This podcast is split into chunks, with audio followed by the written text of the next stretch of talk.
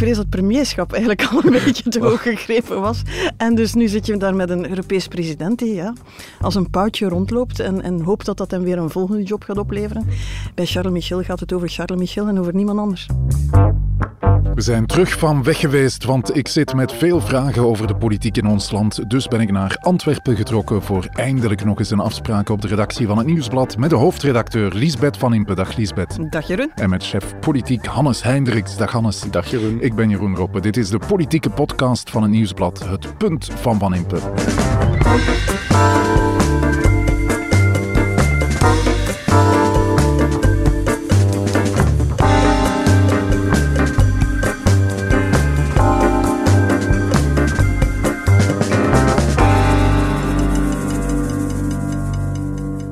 Ik wou je laten kiezen, Lisbeth, tussen uh, alcohol of non-alcoholisch, maar dat blijkt uh, geen issue, dus school. dat we mijn terugkeer naar deze podcast Vind met ik ook. wat uh, bubbels mochten En vieren. daarom heb ik aan de vooravond van jouw verjaardag deze chapitre meegebracht. Chapitre Chardonnay Brut Natuur. Het is een uh, Belgische mousserende wijn, een Crément de Wallonie op uh, jouw gezondheid en, En enkel er en alleen jouw Er gezondheid. zijn hè. dingen die niet veranderen, ook in het komende levensjaar zal ik zeggen. Lekker Jeroen, wat je meegebracht hebt. Ja, we hebben hier uh, onze plan proberen te rekken uh, zonder jou, Jullie hebben Lisbeth. dat trouwens goed gedaan. Ik Ah, heb dat vanuit mijn, daarvoor.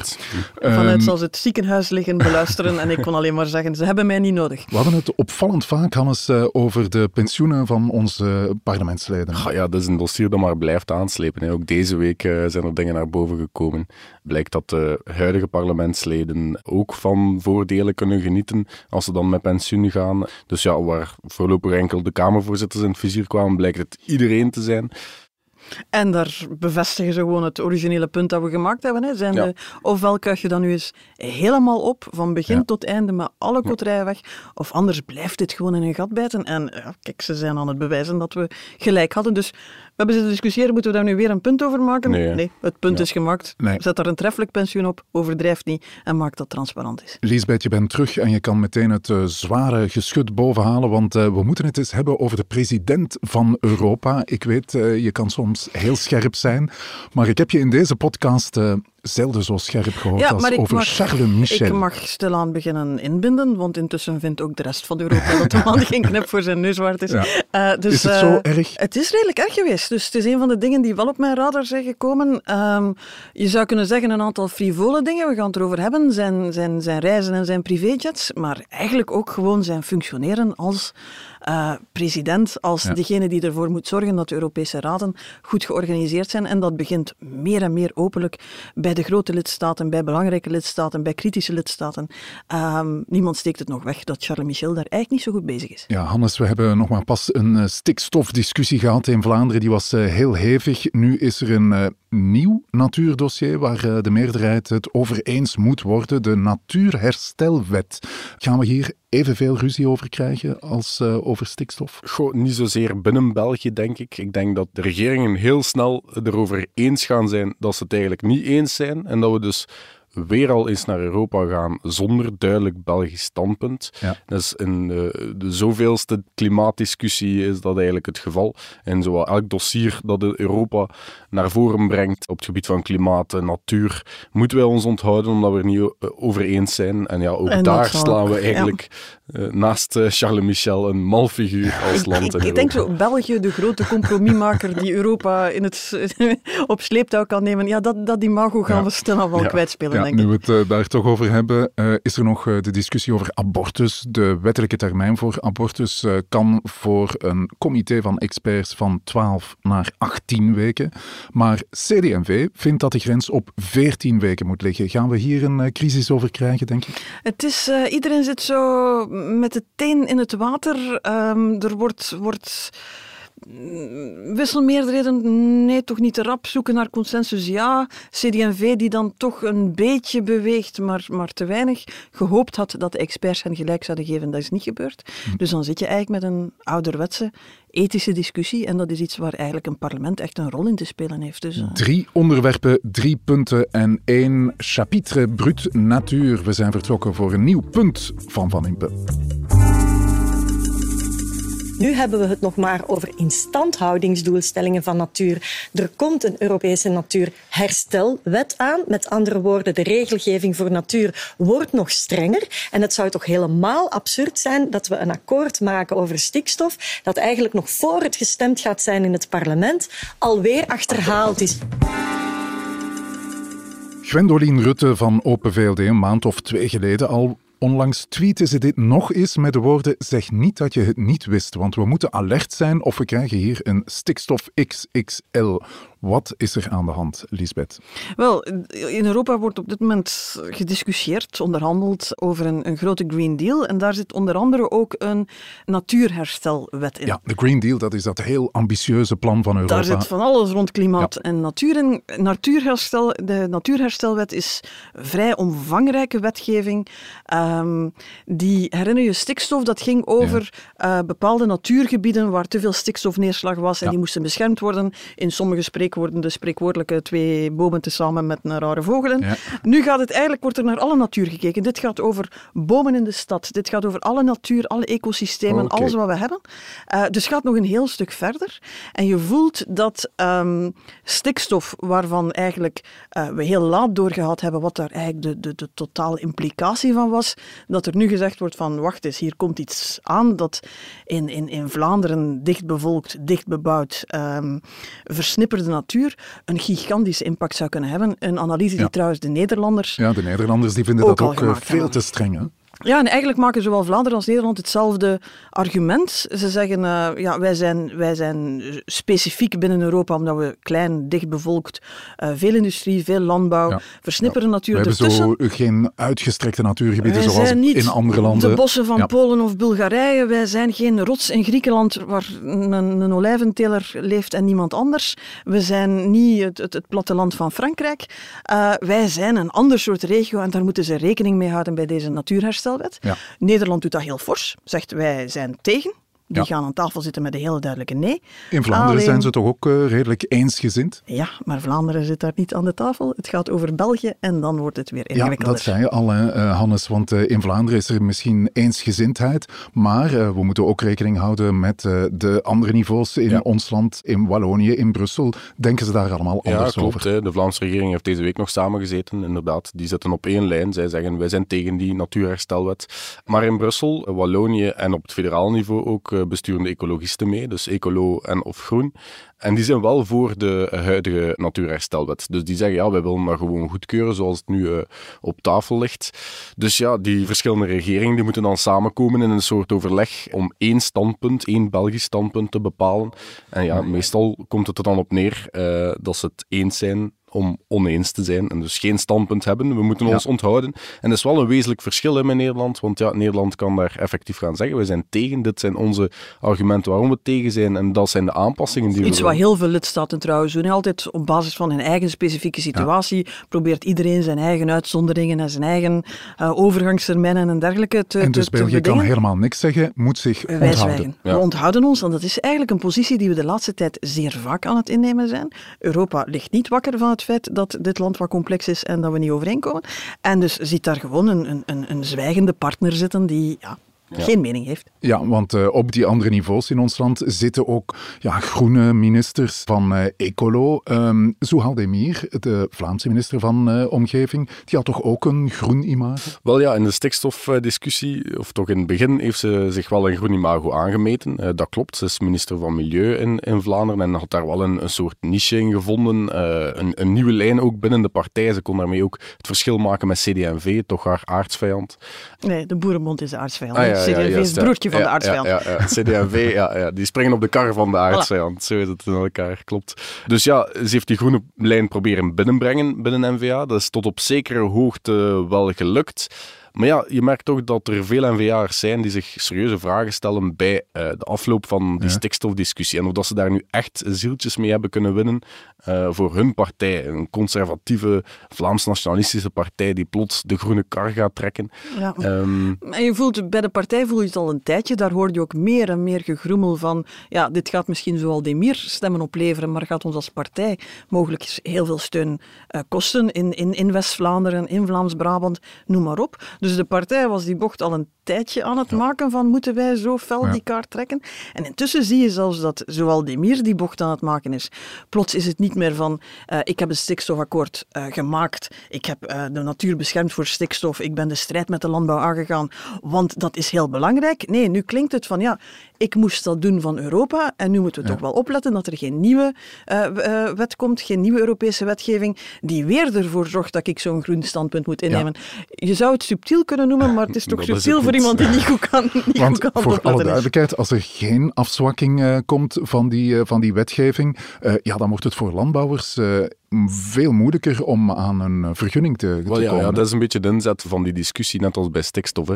Dat is de vraag, ja, landbouwers, maar ook bijvoorbeeld een groot infrastructuurwerken, denk aan Oosterweel bijvoorbeeld, ja. kan dan nog een vergunning krijgen als dat een groot impact heeft op de natuurgebieden die er rond liggen. Industrie. Ja, ja, als je natuurlijk van speciale natuurgebieden gaat naar alle natuur, ja, dan komen die vergunningen wel in het gedrang natuurlijk. Dat is de, de inzet van, van die discussie een beetje. Uh, je merkt ook dat VOCA bijvoorbeeld, ondernemers organisatie tegen is, wat voor de NVA altijd een argument is om een bepaald standpunt ja. in te nemen. Ja. Dus, ja. Maar nogmaals, je zou hier kunnen, binnen Europa is het heel legitiem om je bezorgdheden en de specificiteit van je eigen land op tafel te leggen en te zeggen van ja, uh, zo werkt Europa. Nu wordt een beetje de indruk gecreëerd van je hebt de moloch Europa. Ja. Uh, Frans Timmermans is daar dan het, uh, het grote boegbeeld ja, van. En die gaat nu eens allerlei zotte dingen gaan beslissen. Zotternijen is ongeveer ja, het woord dat we gebruiken. Ja, zo werkt Europa niet. Hè. De commissie geeft die voorzitter wel. Ja. In het parlement worden die discussies gevoerd. Maar vooral, uiteindelijk gaan die lidstaten allemaal rond een ja. hele grote tafel gaan zitten en wordt daar gediscussieerd en onderhandeld. En daar is het zo kwalijk dat je daar eigenlijk zonder positie zit. Want dan kan je eigenlijk nauwelijks deelnemen aan die onderhandelingen. Uh, hetzelfde geldt trouwens voor de Europese raden waar zowel Demir als Vlaams minister zou kunnen aan deelnemen, waar ze eigenlijk, dat is intussen ook al een paar keer aangeklaagd, heel vaak haar kat naar stuurt. Ze gaat ja, daar gewoon niet Ze komt niet opdagen. En dan krijg je toch een beetje het gevoel dat er plots een heel andere strategie wordt gekozen. Dat er een beetje de weg gekozen wordt van een vrij makkelijk anti-Europees ja. sentiment. Um, ja, dat wordt daar beslist boven onze hoofden. En wij zitten hier wel een beetje te roespeteren, maar ja, er is toch niemand die luistert. Ja, hoe zou er iemand naar u kunnen luisteren als je niet eens op die Europese Raad zit? Ja. Het is uh, makkelijk om af te geven op Europa. Het was trouwens niet het enige Europees uh, dossier dat voor uh, zenuwachtigheid zorgde. Nee, nee, inderdaad. Ja, deze week is nieuws gekomen over de CO2-tax die Europa heeft uitgewerkt. Daar ook weer exact hetzelfde verhaal. De Vlaamse regering maakt dan van haar oren tegen die Europese beslissingen. het is een beetje zoals Demir, die zegt veel plezier met jullie discussie op Europees niveau. Ik ga wel van mijn tak maken in mijn eigen regio, dat iedereen het goed gehoord heeft wat mijn positie is. Maar dus het klopt ook daar in, in dat dossier. Uh, dus dat we effectief als uh, land, België zijnde, ons daar niet mee kunnen moeien. Hè. En, en dat gaat dan zo ver. Ze voeren nu bijvoorbeeld een CO2-tax in, maar zorgen voor compensatie voor de allerarmsten. Dus een, een soort sociaal fonds dat verdeeld moet worden. Maar door onze specifieke situatie, dat we geen standpunt innemen, kunnen we ook daar niets over zeggen. Ja, en dan, dat gaat natuurlijk wel heel ver in onze niet-zeggendheid eigenlijk. Ja. We zetten onszelf gewoon klakkeloos buitenspel. Ja, ja en, en wat je wel voelt is het debat waar het uiteindelijk op zal neerkomen is hoe gaan we die klimaattransitie aanpakken en wie gaat daar de factuur van betalen. Is dat de industrie? Is dat de gezinnen? Is dat degene die met een auto rijdt? Uh, noem het maar op. Hè. Dat, is, dat is een essentieel debat, denk ik, voor de komende decennia, waar je op Europese schaal actie kan ondernemen, maar op Europese schaal moet gaan discussiëren. Je kan daar heel veel verschillende standpunten in innemen, daarover gaat het niet. Maar je kan niet doen alsof dat je daar dat alleen maar is van ja, uh, dat is daar een, een groen clubje, clubje ja. vogelliefhebbers en liefhebbers van een of andere zeldzame distel. uh, allee, bedoel, Europa is een economische macht waar wisgerust ook goed doorgerekend wordt, waar de industrie zijn lobbygroepen heeft. Ja. Maak daar geen gekke boomknuffelaars van. Dat zijn ze niet. En waar je je rol te spelen hebt. Ja. Um, en ik vind dat je daar als, als, als minister op elk niveau in dit land okay. een, een verantwoordelijkheid in hebt. Een eerste punt. België slaagt er niet in om um, eensgezind naar voren te komen in Europa en slaat dus een mal figuur. Ja, of geen figuur. Hè. Ja. Het is stilte. En, en het is gezegd, ik denk dat Hendrik Vos het zei, we worden een beetje een doodgewicht. We zijn een van de lidstaten, we zijn ooit geroemd over onze compromisvaardigheden, ons vermogen om toch in zeer lastige situaties met heel veel verschillende regeringen in één land toch een soort van compromis te vinden. Uh, ja, Europa moet dat met 27 doen. Die zijn echt niet geïnteresseerd in de communicatiestrategieën van gelijk welke lokale minister. Het punt van Van Impe.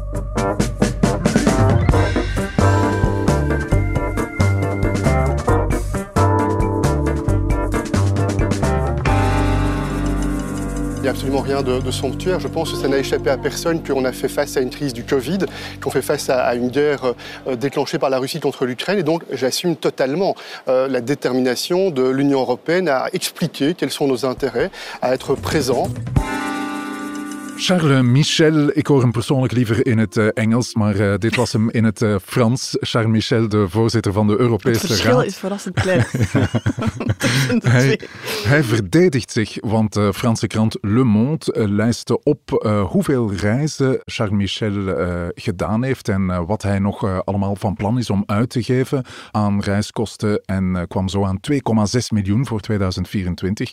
Maar mijn reiskosten zijn absoluut niet overdreven, zegt hij. Je mag niet vergeten dat we een aantal serieuze crisissen hebben in Europa de jongste jaren. En dat betekent dat ik meer van uh, hot naar her moet gaan. Uh, ja, dat klinkt toch plausibel, Lisbeth? Vind jij dat, Jeroen? Of aannemelijk, ja. De, de, de, vraag is, wat is de rol van een voorzitter van de Europese Raad? Wat we dan gemakkelijkerwijs de president noemen. Er zijn toch een aantal lidstaten die zich afvragen of Charles Michel echt degene is die de, de Oekraïne-Rusland-crisis gaat ontmijnen of die uh, de positie met China gaat bepalen. Soms lijkt het alsof hij vooral naar daar vliegt, zodat uh, zijn fotograaf een fotootje kan maken en dat dat dan een Instagram-post kan worden. Trouwens, dat was zijn meest volwassen argument. Hè, van Ja. het is nodig voor de geopolitiek. Zijn eerste argument was, maar ja, von der Leyen doet het ook. Ja, want uh, daar uh, is nogal een competitie tussen die twee. Hè? De Ja. voorzitter van de Europese Raad en de voorzitter van de Europese Commissie. Die uh, willen elkaar graag de loef afsteken. Ja, dat is nogal een understatement, denk ik. Ik denk dat ze elkaars uh, bloed kunnen drinken Ja, intussen. het is compleet dysfunctioneel uh, Ja. niveau uh, zandbak in de kleuterklas. Ja, ja, want blijkbaar, allee, Tusk en, uh, en, en Juncker, die reizen ook gewoon samen, wat al een, een aanzienlijke mindere hap uit het budget was, bijvoorbeeld. Um, dus Charles Michel die vliegt met privéjets, uh, niet alleen naar, uh, naar Peking trouwens, hè, ook naar, uh, naar steden die iets dichterbij liggen en gewoon met de trein te doen zijn. De man kiest vooral uh, vervoersmiddelen en Ja. reizen die bij zijn gigantische ego passen, maar uh, waar steeds Je wilt zeggen, het is niet alleen duur, maar ook uh, niet uh, bepaald Ja, milieuvriendelijk. nee, ja, Nope. inderdaad. Ja, ja, ja. En eh, dan zegt hij, eh, klopt, hè, dat Van der Leyen hetzelfde, hetzelfde doet. Dat is zijn voornaamste argument. De twee zijn eh, sinds het begin van hun aantreden eigenlijk in, in een strijd verwikkeld om het gezicht van Europa te zijn. Dat gaat tot in het absurde. hè. Eh, Er is discussie tussen de twee over drie minuten spreektijd die ze krijgen op een bepaalde conferentie. En wie dat die spreektijd dan mag invullen. Ja, het, het beeld eh, is natuurlijk Sofagate. eh, Ja. Dat bij is al de een tijdje bij de Turkse president Turkije. Erdogan, die maar één stoel had voorzien, waar Charles Michel eh, zich bijna insmeet Ja. voor de ogen van Ursula von der Leyen. Maar intussen is er ook de trein met de twee coupés aan de twee uiteinden van de trein zo ver mogelijk van elkaar. Uh, ze proberen elkaar vliegen af te vangen. Uh, niet zeggen dat de een al ergens gaat zijn of een on- ontmoeting met uh, Zelensky of zo heeft. Uh, Stunt na stunt En eigenlijk in het geval van Charles Michel, ja, met als belangrijkste doelstelling zijn grote fotocollectie voor uh, Ja. zijn, zijn een boek dat Je- hij op het einde wil maken van plaatsen waar Charles Michel geweest is. Je zegt eigenlijk dat hij de neiging heeft om uh, te benadrukken dat uh, alles wat hij doet toch wel extreem belangrijk en, en gewichtig Het is. is ook geen Amerikaanse president die naar China vliegt en daar kan namens de Verenigde Staten gaan onderhandelen. Dat is zijn rol ook niet. We hebben een hoge vertegenwoordiger voor het, voor het buitenlandbeleid. Je hebt de voorzitter van de Europese Commissie. Nu, ik denk dat de andere lidstaten hem nog zouden kunnen vergeven dat hij uh, een beetje verdrinkt in de imaginaire grandeur. Maar wat ze hem intussen echt wel beginnen verwijten, en wat eigenlijk hetgeen is wat het meest pijn doet, dat hij zijn echte job, zijn het voorbereiden van de Europese raden, ervoor zorgen dat die vlot verlopen, dat die goed voorbereid zijn, dat die Ja. goed gestructureerd zijn, dat die debatten op een goede manier gevormd worden, dat daar consensus gevonden wordt, dat hij dat eigenlijk verwaarloost. Want dat is natuurlijk, dat is achter de schermen, daar krijg je je geen krediet mee. Daar kan je geen... Ja, dat is, dat is het discretere werk, maar eigenlijk de belangrijkste opdracht van een Europese president. En in, in, in een van de vorige raden is het zelfs gewoon openlijk gezegd. De Deense premier had het echt, kreeg het echt op de heupen. Zelensky was daar, had daar toen zijn verrassingsbezoek gedaan, wat ook al Iedereen vond dat wel sympathiek, maar die timing zat niet helemaal goed. Het was heel duidelijk dat dat weer een stunt à la Michel was. Nu goed, oké, dat dat nog wat chaotisch is, ça va. Maar dan begint de vergadering en dan blijkt eigenlijk dat discussies blijven duren, dat het niet landt. Dat iedereen denkt van oké, we zijn er nu en het begint opnieuw en hij grijpt niet in. En, en de Deense premier is gewoon tussengekomen om te zeggen van dit moet beter, dit is niet, dit, is niet oké. Dit gaat ook gewoon puur over uh, wiens rol het is om op het internationale toneel zich te profileren. Hè. Ik bedoel, Ursula von der Leyen wil dat ook doen. Zij zegt ook, uh, onze Europese Commissie moet geopolitiek zijn. Maar ja, ze heeft natuurlijk ook dossiers, uh, bijvoorbeeld aankoop van coronavaccins, waar ja, ook effectief op het internationale toneel iets te doen valt. En, en, ja. moeten, Michel heeft geen slechte rol gespeeld in Nagorno-Karabakh, daar moeten we eerlijk in Inderdaad, dat, dat, is zijn, grootste, dat zijn grootste pluim. Ja, de, ja, de Armeniërs en de Hij heeft toch ook een rol gespeeld in uh, bijvoorbeeld de sancties tegen Rusland, of we hadden het daar net over de Green Deal. Daar heeft hij toch ook uh, zijn rol in gespeeld? Daar ligt het initiatief doorgaans ergens anders. En je hoort wel eens dat hij een, een, een ongezien vermogen heeft om het laatste moment nog wat in de weg te komen lopen. Opnieuw omdat die fotograaf daar staat en dat hij denkt van nu moet ik op de foto staan. Het is, nee, het is, het is niet goed. En dat zeggen intussen, zolang dat ik dat zei, denk ik, god ja, wie ben ik? Maar intussen, het zijn, de Duitsers krijgen het ervan op de heupen, de Fransen krijgen het ervan op de heupen. Uh, binnen de, de raad is er echt wel, uh, het, het, stroomt er gewoon uit. Er stond een heel groot stuk in Politico, wat echt heel uh, beschadigend was. En dan krijg je dat soort dingen als de privéjets en de budgetten en de reizen die niet nodig zijn. Ja, dan word je op dat vlak kwetsbaar. Het grote verschil met de vorige Europese presidenten, Herman Van Rompuy en Donald Tusk, is ook dat die eigenlijk op het einde van hun carrière waren en je daar wel van kon uitgaan van, kijk, wat ze hier doen, ja, het maakt niet heel veel meer uit voor hun eigen persoonlijke toekomst. Ja, Charles Michel is nog maar... Uh, is nog geen 50, Ja, dus, inderdaad. Uh, ja, hij zal 50 zijn, denk ik, als hij afzwaait of zo. Of, Eind volgend jaar, ja. ja. Dus ja, eh, Michel heeft nog wel een aantal jaar te werken en er zijn al heel veel geruchten over uh, zijn toekomst en dat hij ambities zou hebben ja. om naar de Europese investeringsbank te gaan, bijvoorbeeld, of om zelf hoge vertegenwoordiger uh, buitenlands beleid te worden, bijvoorbeeld dat is een van de verwijten, dat hij net zo zichtbaar wil zijn, zelfs als dat niet veel uithaalt, omdat hij in de kijker wil lopen voor een volgende job. En ja, dan zit je op het punt waar uh, mensen zoals wij, gewone mensen, zich wel eens in de haren krabben, want dan zie je dus al de speculaties van, ja, ze zijn er eigenlijk niet meer content van, maar de kans lijkt dan toch weer groot dat er dan toch weer een volgende goed betaalde job zal klaar liggen. Ja. Ik denk van, misschien moet Charles Michel stilaan... Hoe, hoe slecht is dit eigenlijk voor de reputatie van ons land? Wel, je had zo die mythe, hè, van, we hebben het er net ook al over gehad, van die Belgen, dat zijn toch die grote compromismakers. compromismakers. En ik denk, de tijd dat we premiers namen die het acht jaar hadden uitgehouden, type Dahan en zo, dat waren de mensen die, die effectief een, een aantal competenties meebrachten op Europees niveau, daar in onderhandelingen, zelfs als ze daar geen topjob bekleden, een belangrijke rol konden spelen. Ik denk dat we intussen met Charles Michel kunnen zeggen um, dat, dat ze in Europa beginnen door te hebben dat ze daar een beetje een kat in een zak hebben gekocht en dat dat toch niet voor alle Belgen geldt. Oké, okay, ja, dat was ook al niet de beste premier eigenlijk. Voilà, ja, ze hadden het eigenlijk een beetje moeten weten, want ja, zijn regering is ook... Het is zo'n uh, beetje Peters Principle, maar dan zo doorgedreven, zo, dat je iets, te ver, uh, iets te ver doorpromoveert. Ja, maar ik vrees dat premierschap eigenlijk al een beetje te hoog gegrepen was. En dus nu zit je daar met een Europees president die ja, als een poutje rondloopt en, en hoopt dat dat hem weer een volgende job gaat opleveren.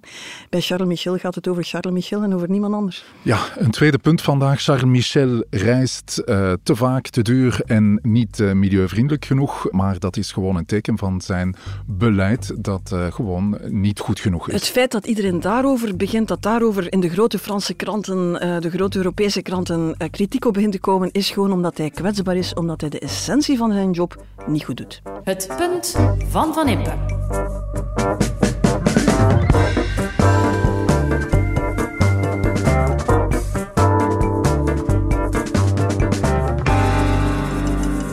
Ik denk dat er nog elementen zijn waar de andere partijen voor zijn. Ik denk maar aan de bedenktijd brengen van zes dagen naar 48 uur.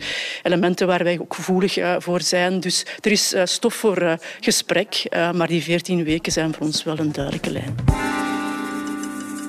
Els van Hoof van CD&V heeft het over een duidelijke lijn en dat is de termijn van 14 weken na conceptie als maximumtermijn voor abortus. Die ligt nu op 12 weken, die termijn. Een wetenschappelijke commissie stelde voor om die naar 18 weken te brengen in bepaalde gevallen, maar dat kan niet voor CD&V. Alle andere partijen in de meerderheid willen de adviezen van de commissie wel volgen. Ja, Lisbeth, het uh, abortusdebat is helemaal terug. Hè? Is terug van weg geweest. Um, niet zo verwonderlijk. Het heeft een, een, een woelige voorgeschiedenis. Hè. We moeten terug naar het begin van uh, de jaren negentig. Herinner je de hele truc met de koning die de abortuswet niet wilde niet tekenen? Wilde ondertekenen. Waar we dan een grondwettelijk trucje uitgehaald hebben. Ja, dat was de um, eerste minister Wilfried Martens. Die, die heeft daar eigenlijk, terwijl zijn eigen partij tegen de abortuswet uh, was, heeft hij eigenlijk ja, het primaat van het parlement, van de democratie ja. en eigenlijk ook de monarchie moeten redden door daar een trucje uit te vinden. Sindsdien hebben we een abortuswet, maar je voelt al een tijdje dat daar uh, de discussie op gang komt om naar een iets langere termijn te gaan. Twaalf weken uh, is al een goede periode, maar ja. er zijn nogal wat Europese landen die verder gaan. je weet ook, niet iedereen ontdekt meteen dat ze zwanger zijn. Dus je had daarbij dan nog eens een, een, een bedenktijd van een week, ja, waardoor het wel krap begon te worden. Over die bedenktijd daar is eigenlijk een vrij grote consensus op dat ja, dat korter kan. Van, uh, vanaf het uh, doktersbezoek... Iemand die vraagt, uh, moet nu ja. nog een week nadenken, zou dat in de toekomst ja. nog 48 uur moeten doen. Dat is een heel goede maatregel om dat in te perken. Iemand die het vraagt, heeft daar al over nagedacht. Dat is een beetje betuttelend om te zeggen. En nu moet je daar nog eens over nadenken. Maar goed, hoe ver schuif je op van die 12 weken, wetende dat een aantal Belgen, Belgische vrouwen, toch naar Nederland gaan, waar het op 22 weken 22, ligt, dacht ik. Ja. Omdat ze dus ja, in de problemen komen in België. En dan kan je afvragen van, als je dan toch zegt dat abortus legaal is, moet je dan voor die vrouwen ook in eigen land geen ja. oplossing gaan ja. maken? Gaat daar nu over onderhandeld worden? Is dat uh, wat nu gaat uh, gebeuren, over, uh, over die termijn? Wel, het is eigenlijk CD&V die als enige regeringspartij er niet mee akkoord is om van 12 weken naar 18 weken te gaan. Dus alle andere partijen die willen dat wel. CD&V heeft het nu vastgepunt, haar positie, op 14 weken. En ze uh, dragen daar allerlei argumenten naar voren. Een van die argumenten is bijvoorbeeld dat de foetus na 14 weken pijnperceptie zou hebben, dat hij uh, pijn zou kunnen voelen. Een ander argument is dat er uh, een andere techniek nodig zou zijn ja. om die foetus weg te halen ja. na 14 weken. Nu, die twee argumenten zijn eigenlijk wel uh, van tafel geveegd door de experten ja. die een expertenrapport hebben voorbereid voor de Kamer, eigenlijk zelfs op vraag van CD&V. Zij hadden dat ingeroepen als soort vertragingsmechanisme om zich niet direct bij de regeringsvorming te moeten uitspreken over dit ethisch ja. uh, moeilijk thema. Maar dus die experten hebben eigenlijk wel ja, de argumentatie van CD&V ja. onderuit gehaald. En, en, daar zie je ook wel een beetje dat dit niet iets is wat kan beslist worden door experten. Nee. Je kan daar heel veel informatie over krijgen, je kan uh, je heel goed informeren, maar altijd opnieuw word je in dit soort debat teruggeworpen op wat is jouw morele, ethische uh, positie. Ja. Hoe definieer je het begin van het leven? Want dat zeggen de andere partijen in de meerderheid, zeggen van ja, het advies is er nu van de expertencommissie en nu is het nog niet goed. Wel ja, dus eigenlijk zou je moeten zeggen, CD&V zou nu eigenlijk moeten concluderen ja. van ah ja, 18 weken is eigenlijk goed, maar dan voel je ja, nee, het, het stoot op iets anders. Ja. En dan kan je denken van god, is dat nu de volgende poging van CD&V om zich op een heel klassiek ethisch, conservatief, christelijk thema te gaan, gaan, gaan positioneren. En dan voel je toch dat het, dat het wat wringt, dat dat toch een stuk makkelijker ja, is want de vorige over... voorzitter van CD&V, Joachim Koens, die hechtte hier heel veel belang aan. Hè? Hoe zit dat met uh, Sami Medi? Moeilijk te zeggen vandaag. Ja. Opnieuw, je hebt minder het gevoel dat dit deel uitmaakt van, van een heel bewuste strategie om zich hierop te gaan, gaan positioneren. Je zou dit bijvoorbeeld kunnen doen vanuit een christelijk perspectief, maar dat is een taal die ook CD&V eigenlijk nauwelijks nog spreekt. Ja. Uh, waar je ook kan van afvragen van hoe zou Vlaanderen daarop reageren. Ik heb altijd een indruk als het gaat over abortus, dat Vlaanderen daar eigenlijk liever niet te veel over debatteert. Dat dat zoiets is wat ja, we hebben dat ook gezien. Hè. Het is dan ingevoerd geweest, dat was, was politiek hoog oplopend begin jaren negentig. En ja. vervolgens is dat, heeft dat een, een, een vrij discreet bestaan geleid. Is er eigenlijk nauwelijks discussie over. We zijn trouwens ook een land dat in verhouding heel weinig abortussen heeft. Ja. Dus, maar zeg je nu met een conservatief standpunt in deze discussie win je geen kiezers in Vlaanderen? Ik denk dat dat geen makkelijk is, omdat ik voel dat dat veel minder natuurlijk nu komt. Iedereen is hier met twee woorden aan het spreken. Ja. Heel voorzichtig. En dat is in deze een goed teken. Dit is nu bij uitstek een discussie die in een parlement thuis hoort, waar ook CD&V zijn punt kan maken. Ik denk dat ze het dus niet gaan halen met de discussie op wetenschappelijk niveau te trekken, maar ze gaan het dus op het, op het ethisch morele, hun eigen overtuigingen moeten gaan trekken. Uh, maar daarvoor heb je een parlement, om dat debat met alle mogelijke soorten argumenten te gaan voeren. Je voelt bij de andere partijen tegelijk een terughoudendheid om die te gaan forceren. Ja. Niet zomaar een wisselmeerderheid te maken, want die zou je eigenlijk heel makkelijk kunnen vinden. Er is een vrij grote consensus bij veel partijen in het parlement dat het goed zou zijn om dit uit te breiden. En een aantal oppositiepartijen staan natuurlijk uh, te popelen om uh, die steun ja. te geven. Hè? Nee, ja, dat is waar. Maar in, deze discussie merk je eigenlijk dat we um, de klassieke partijpolitieke logica, dat die een beetje doorbroken wordt. Dat is zo wat typisch voor ethische dossiers dat uh, parlementsleden wel hun eigen overtuiging ja. mogen volgen. En dan merk je dat ook bijvoorbeeld binnen CD&V, er, ja, je kan het dan verdeeldheid noemen, maar eigenlijk is dat niet meer dan normaal dat elk parlementslid zijn eigen overtuiging heeft. En op zich is dat wel het mooie aan deze discussie, dat dat niet bijvoorbeeld binnen de regering wordt getrokken en, en dat er ja. een tapijtenmarkt uh, wordt georganiseerd met andere dossiers. Uh, nee, dit is echt een redelijk zuivere discussie, om het zo te zeggen waar het parlement nu aan zet is. Uh, ja. ja ik denk dat, je, dat, ze vooral nu moeten vermijden dat het soort van, inderdaad een soort van tapijtenmarkt wordt. Van jij zegt 14, ja. wij zeggen 18, allee, ik zeg 17, wij zeggen 14,5. Allee, ik bedoel, ja, je gaat hier geen godsoordeel zien na, neerdalen dat zegt van kijk, dit is nu clear cut, dit is aanvaardbaar, dit niet. Dit moet iedereen in eer en geweten doen en ik hoop dat dit uiteindelijk naar een stemming gaat waar ook uh, parlementsleden, want daarvoor zijn ze verkozen en eer en geweten een keuze kunnen maken. Ja, laatste punt van vandaag. Laat het uh, debat in het parlement gebeuren. Absoluut. En uh, ik denk dat het een belangrijk debat is. Het is een nodig debat. Er worden goede argumenten aangehaald om het te verlengen. Ik ben zelf nogal voorstander om vrouwen hier de beslissingen te laten nemen. Ik denk dat zij vaak het best weten wat de juiste beslissing is. Maar laat hier politiek maar heel vrij over discussiëren. En hier is geen juist of fout standpunt. Hier moet je de meningen laten botsen en vervolgens kijken waar een meerderheid van het parlement kan gevonden worden. Het punt van Van Impe.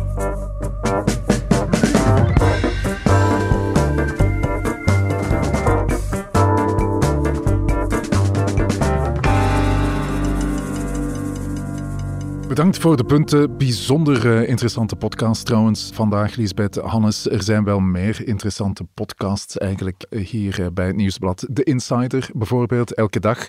De Actua-podcast, Shotcast, de voetbalpodcast, Stemmen van Assise. En ik kan zo nog wel even doorgaan. Maar jullie zijn toch nog op zoek naar goede podcast-ideeën. En daarom organiseren ze bij het Nieuwsblad een grote podcasting wat zijn jullie van plan? Je hebt daar net al pijnlijk gethematiseerd, Jeroen. Ik word een dagje ouder. Deze hele redactie wordt een dagje ouder. Dus wij moeten altijd op zoek naar nieuw en jong talent. Nee, jij nog niet, Hannes. Jij bent nog altijd piepjong. maar wij zijn altijd... Ja, podcast is een relatief nieuw medium, waar heel veel creativiteit, ja. waar heel veel mensen mee bezig zijn. En we gaan op zoek naar mensen met goede ideeën voor de grote podcasting. En we doen die toch een mooie belofte. Ik geloof dat er een vijftal zijn die ons kunnen overtuigen en die bij ons een demo mogen opnemen. Een Super. eerste aflevering. Ja. En dan de uiteindelijke winnaar, die gaan we echt een podcastreeks laten maken. We gaan dat begeleiden, we gaan dat produceren, we gaan dat afwerken, we gaan daarbij uh, bij helpen, we gaan dat ondersteunen. Dus om uh, jong podcasttalent, nieuw podcasttalent, dat is eigenlijk een beter woord, want in deze tijden ja. ben je maar zo oud als je zelf denkt, maar om nieuw podcasttalent een, uh, een kans te geven. En ik zou zeggen, kans, zou ik zeggen. in de app van het Nieuwsblad, kijk eens naar de grote podcasting of op hetnieuwsblad.be. Alle details daar. Ja, alle details daar. En wij kijken er enorm naar uit om uh, creatieve, nieuwe uh, ideeën of mensen die denken dat ze het allemaal veel beter kunnen dan wij. Ja, laat ze maar komen. Oké, super. Ik zal er ook eens uh, over nadenken. Hè. Dit was het uh, punt van Van Impe. Je hoorde de stemmen van Lisbeth Van Impe en van Hannes Heindriks. Dank aan de VRT voor de audioquotes, aan Pieter Schevens voor de muziek en aan Pieter Santens van House of Media voor de montage. De productie was in handen van Joni Keimolen. Tot het volgende punt van Van Impe.